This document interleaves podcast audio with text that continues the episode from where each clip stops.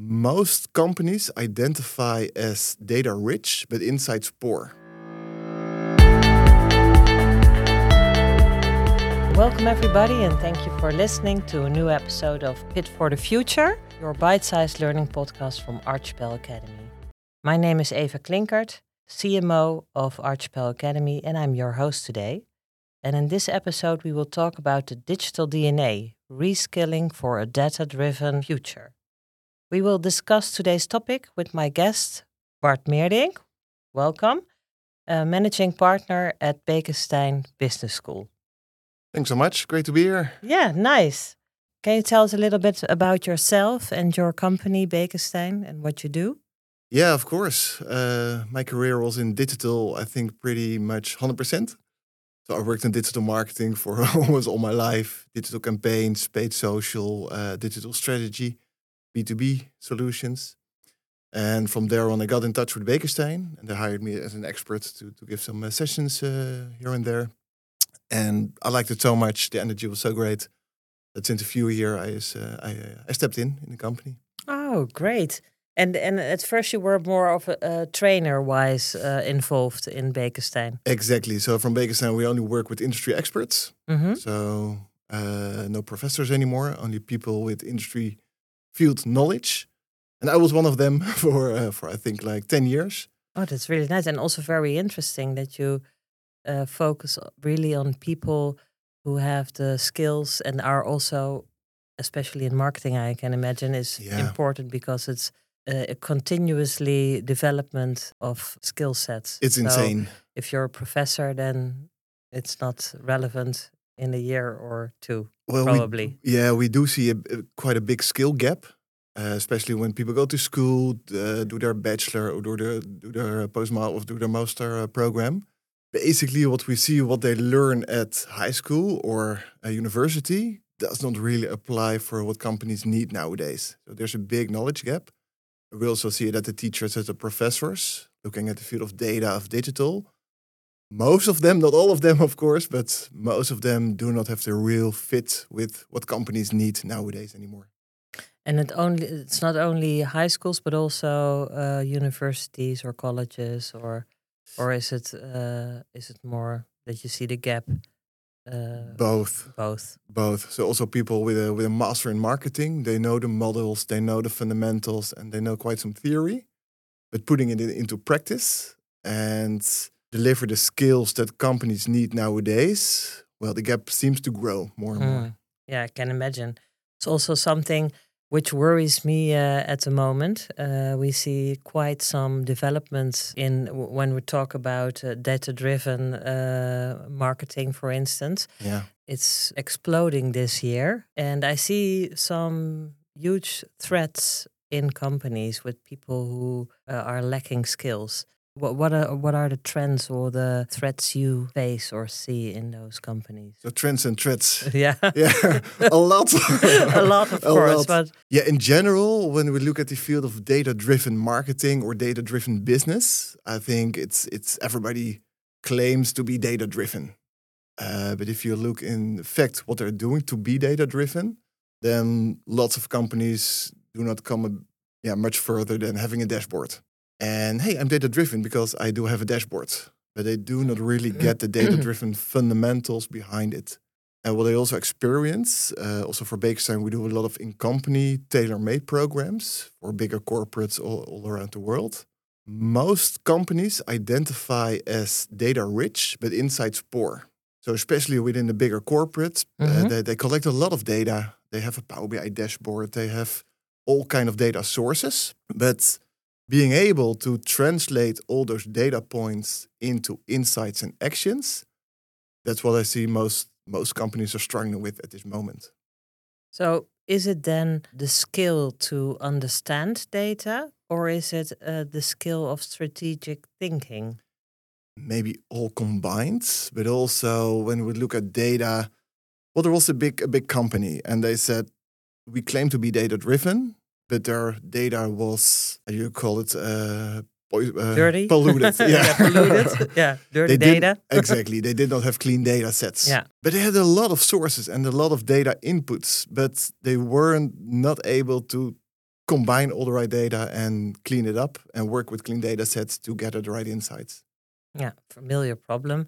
Uh, uh, it's uh, everywhere. Yeah. Everybody's struggling Yeah. with it. So if, if if you take a look at what, what what kind of skills are lacking, maybe it is the strategic thinking. Although most marketeers or people in the business should be able to know the company goals and translate them into business goals. But then really become less dependent of your agencies to know where do we get our data, how do we apply data, Mhm. being critical towards data. That might be one of the most important skills for the future. And uh, when you look at current developments such as AI, uh, is it something you focus on also in your uh, trainings? And what what are the most uh, important skills you see there? Yeah. Yeah, it, it, it's such an amazing field of industry. As a citizen, I'm quite worried with Yeah. all the developments. Yeah. But as a yeah somebody with a marketing background, I'm also quite excited about all the possibilities. But it's insane. Another week, I went to holiday a few weeks ago, and I already missed all kind of cool updates and new tools and new features and new possibilities. So when we look at the impact of AI, on one hand, it's huge, but also, yeah, again, a lot of people do not have the right knowledge to know what's behind of AI. So what is a large language model? How does it work? How does it gather data? How does it prevent bias, for instance? Mm, And maybe more practical, how can I apply it in the business? yes. And it can contain out of a yeah, within content marketing, uh, Midjourney or ChatGPT for text and co- or content or images or videos, whatever. But also within Beeckestijn, we've implemented AI in our courses for I think almost five years. It was far before the generative AI hype we experience nowadays. hmm And it was more how can we use AI in data analysis, preventing churn, uh, make a buyer persona based on your current customers, uh, predictive models. So the use of AI is not new, but the generative AI revolution we experience at this moment, and it's very exciting to Yeah. uh, to, to watch.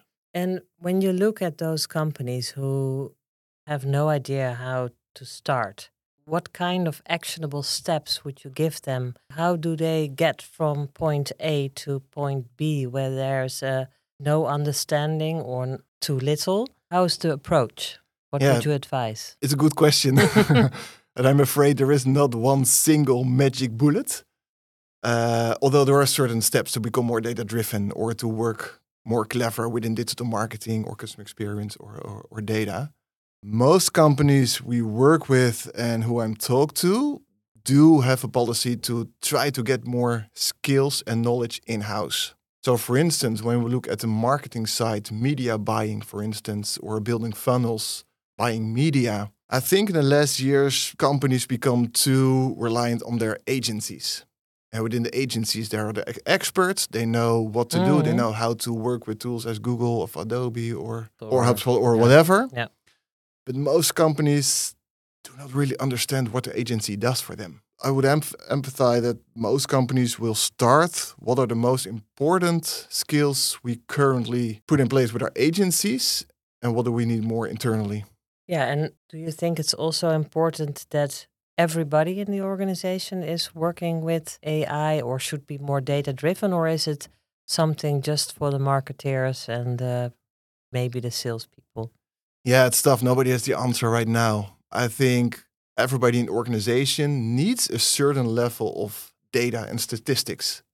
When I make the metaphor with the effort we make as a society for people to educate them in language and in text, and the less we do it in proper data skills, I think that the, the funny thing is a data is a number, so it looks like a fact. But in reality, the fact that it's a number doesn't amplify that it's a fact. And there's so much behind it. It's about basic statistics. Also, the basic difference between correlation and causality. It's we make a lot of bad decisions on based on crappy or incorrect data.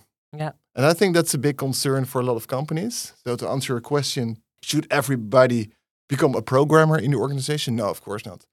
Should everybody know the ins and the outs of data and how do you build a dashboard? No, of course not. But at least have a proper understanding of where our data is coming from and equip yourself with critical thinking skills towards data and Yeah. reports and insight. I think that yeah, again, And- that that together with creativity, Mm-hmm. That, we think that that might be one of the most important future skills. do you all have, already have some success stories of companies you've worked with who bridged that gap between not knowing and turning it around and understanding the right? Yeah, yeah, you several. Yeah. So of course we we see a different level of maturity amongst all different types of companies. I think what they have in common is that everybody is learning. So when we take a look at marketing or digital or data and tech, there's not a single company who is ready in everything. Everybody's learning, everybody's trying to be a little bit smarter every day. So when we look, for instance, personally, I do quite some things for Samsung Benelux or for ING, it's a big bank. Mm-hmm. What they have in common is that they really implemented the data driven mindset and tried to cross the bridge between their data scientists and the people from the business. So, traditionally, a dashboard is where the two meet. Mm-hmm. And we built some very cool programs where the people who are working with data got a better understanding of the business needs, Yeah. and vice versa, the marketeers, the people from the business.